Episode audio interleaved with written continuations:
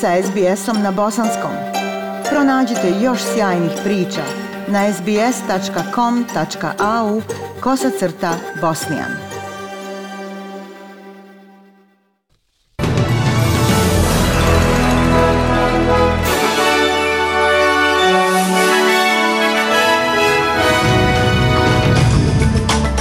Danas u vijestima poslušajte. Britanska javnost odaje počast princu Filipu.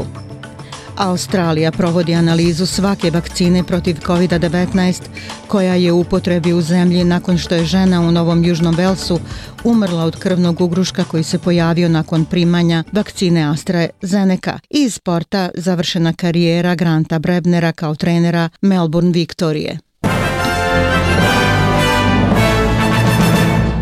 Većina javnosti u Velikoj Britaniji je poslušala savjet te ostala podalje od sahrane princa Filipa u Windsoru. Broj ožalošćenih je sveden na 30 unutar kapele Svetog Đorđa, a javnosti je poručeno da ostanu po strani zbog restrikcija COVID. Ipak neki su došli u Windsor da odaju svoju počast. 70-godišnja Viv Davis je doputovala u Windsor sa svojom porodicom i kaže da osjećaju veliki gubitak zbog smrti princa Filipa. Filipa.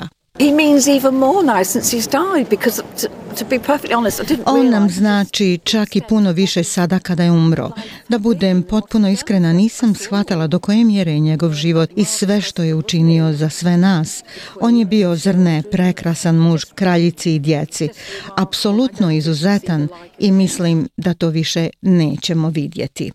Putnička saradnja Novog Zelanda i Australije počinje od večeras u ponoć i koja će omogućiti Australcima da dođu na Novi Zeland bez poduzimanja obaveznog hotelskog karantina. Od ljudi koji putuju na Novi Zeland također se neće zahtijevati da podnose zahtjev za izuzećem da bi napustili zemlju. Ipak Novozelanđani još uvijek ne mogu doći u Australiju, tako da jednosmjerno putovanje koje je započelo prošle godine još uvijek ostaje ostaje na snazi. Premijer Scott Morrison kaže da se on još uvijek ne žuri da otvori granice Australije i radi na tome da se riješe svi zdravstveni rizici prije ponovnog otvaranja granica. Australija će izvršiti analizu svake vakcine COVID-19 koja je u domaćoj upotrebi nakon što je žena iz Novog Južnog Velsa umrla od krvnog ugruška nakon što je primila AstraZeneca vakcinu. Porodica Janine Norris je izrazila šok i tugu zbog iznenadnog gubitka,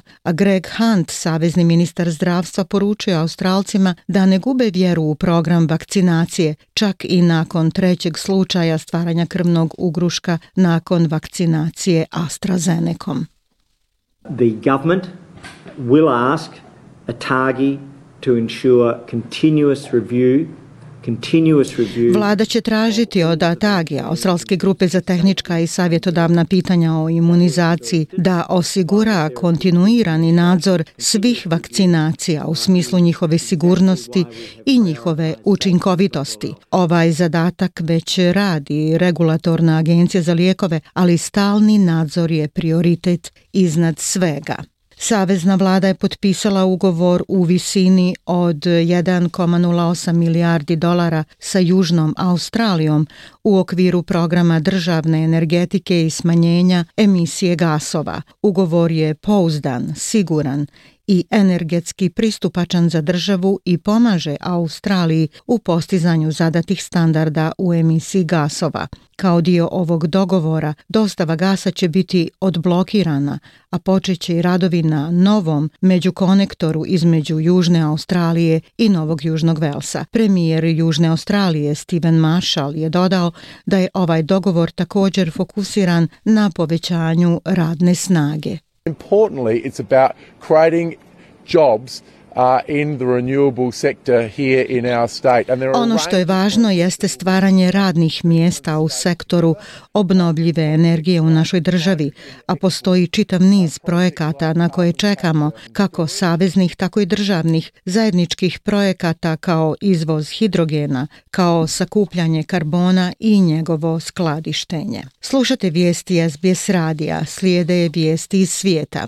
Libijski program vakcinacije protiv koronavirusa započeo je u glavnom gradu Tripoliju uz nastojanje vlade da u narednim danima proširi imunizaciju širom zemlje. Zdravstveni centar Alderija, jedan je od osam od njih otvoren i ljudi u redovima čekaju da bi se vakcinisali. Zdravstveni zvaničnici Libije kaže da koriste različite vakcine uključujući AstraZeneca, ruski Sputnik i Sinopharm iz Kine. Prioritetne grupe su stariji ljudi, ljudi sa zdravstvenim problemima kao i medicinsko osoblje i radnici u klinikama i bolnicama i oni će se prvi vakcinisati.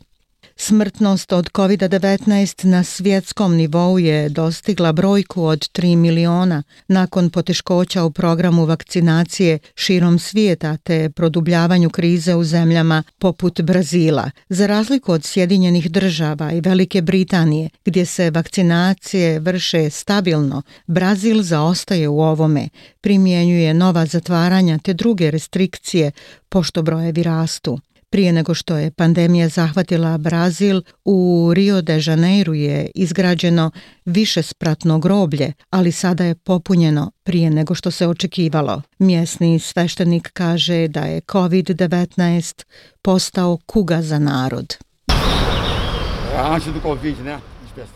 We don't talk anymore about cancer, about AIDS or heart problems. Now we only talk about COVID. The whole world is trapped by COVID. Više ne pričamo o raku, o aids ili srčanim problemima. Sada pričamo samo o covid Cijeli svijet je upao u njegovu zamku.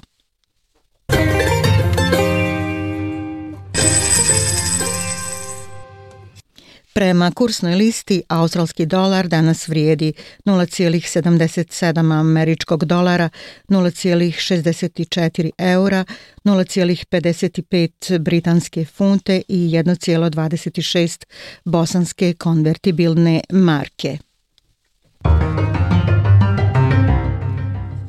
I pred kraj vijesti sporta, doba Granta Brebnera kao trenera Melbourne Victorije završeno je nakon poraza od 7 naprama od gradskog rivala Melbourne City-a u subotu uveče i toga je koštalo radnog mjesta.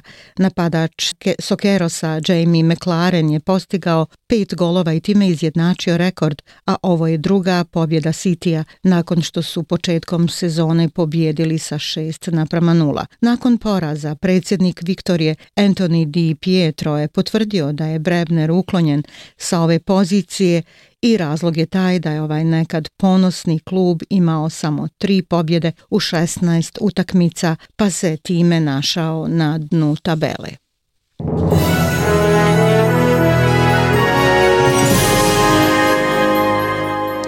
I za kraj vremenska prognoza i temperaturne vrijednosti za veće gradove Australije. U Pertu sunčano 28, Adelaidu oblačno 21, u Melbourneu oblačno 19, Hobartu 18, u Kamberi sunčano 19, u Sidneju pljuskovi 23, Brisbaneu 24 i u Darwinu sunčano vlažno i 35.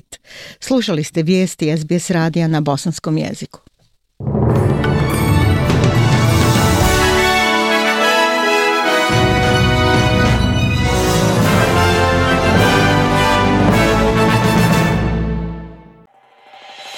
SBS na bosanskom.